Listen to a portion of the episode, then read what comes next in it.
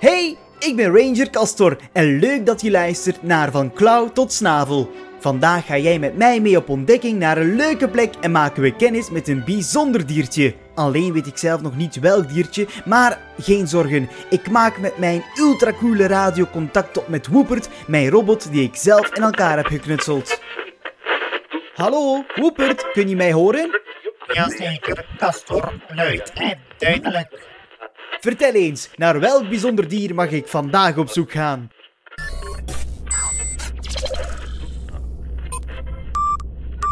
Diersoort vastgesteld. Kijk op je radio.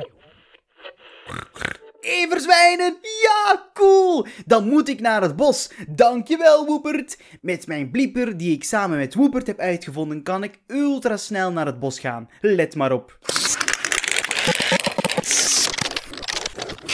Oh, everzwijnen. Hoe cool! Oh.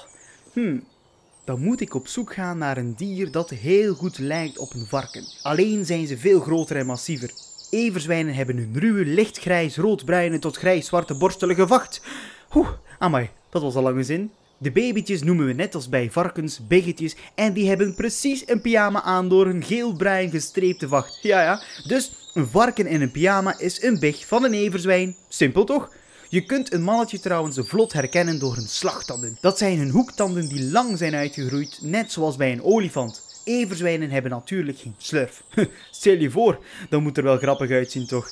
Ze hebben een snuit dat eindigt in een schijfvormige neus. Zoals een varkentje dus.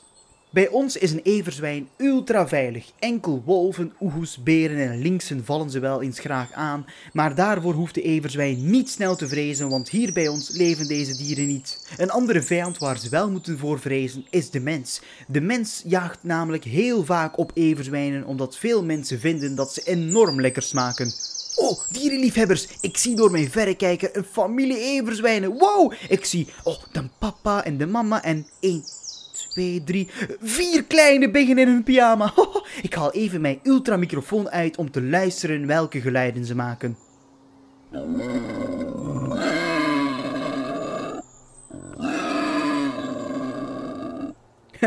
Alsof we op een boerderij zitten te luisteren naar varkentjes.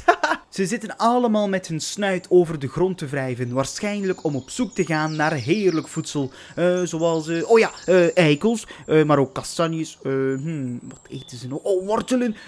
en natuurlijk gewoon bladeren van wilde planten. En ja, misschien toch ook een heerlijke naaktslak of regenwormen. Oh ja, een konijn, die durven ze ook wel eens te eten. Ja, kortom, het zijn echte alleseters. Je kunt vanzelfsprekend zelf eens op zoek gaan naar everzwijnen. Overdag houden everzwijnen zich schuil in een nest dat zich in de dichte dekking bevindt.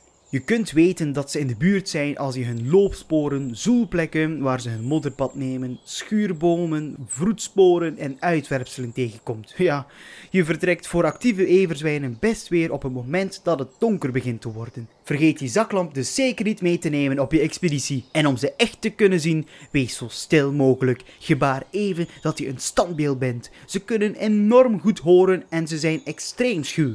Bij het vreemdste geluid lopen ze graag weg.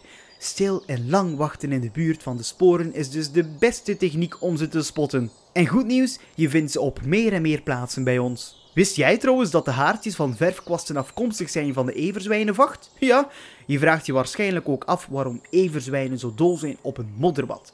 Ze nemen zo'n bad en wachten tot de modder op hun rug hard wordt. Dan gaan ze zichzelf afschuren aan bomen en op die manier wordt hun laagje modder verwijderd en blijft hun huid en vacht in een zeer goede conditie. Ja, zo, hopelijk vond je het superleuk om met mij op ontdekking te gaan. Tot binnenkort op een nieuwe expeditie.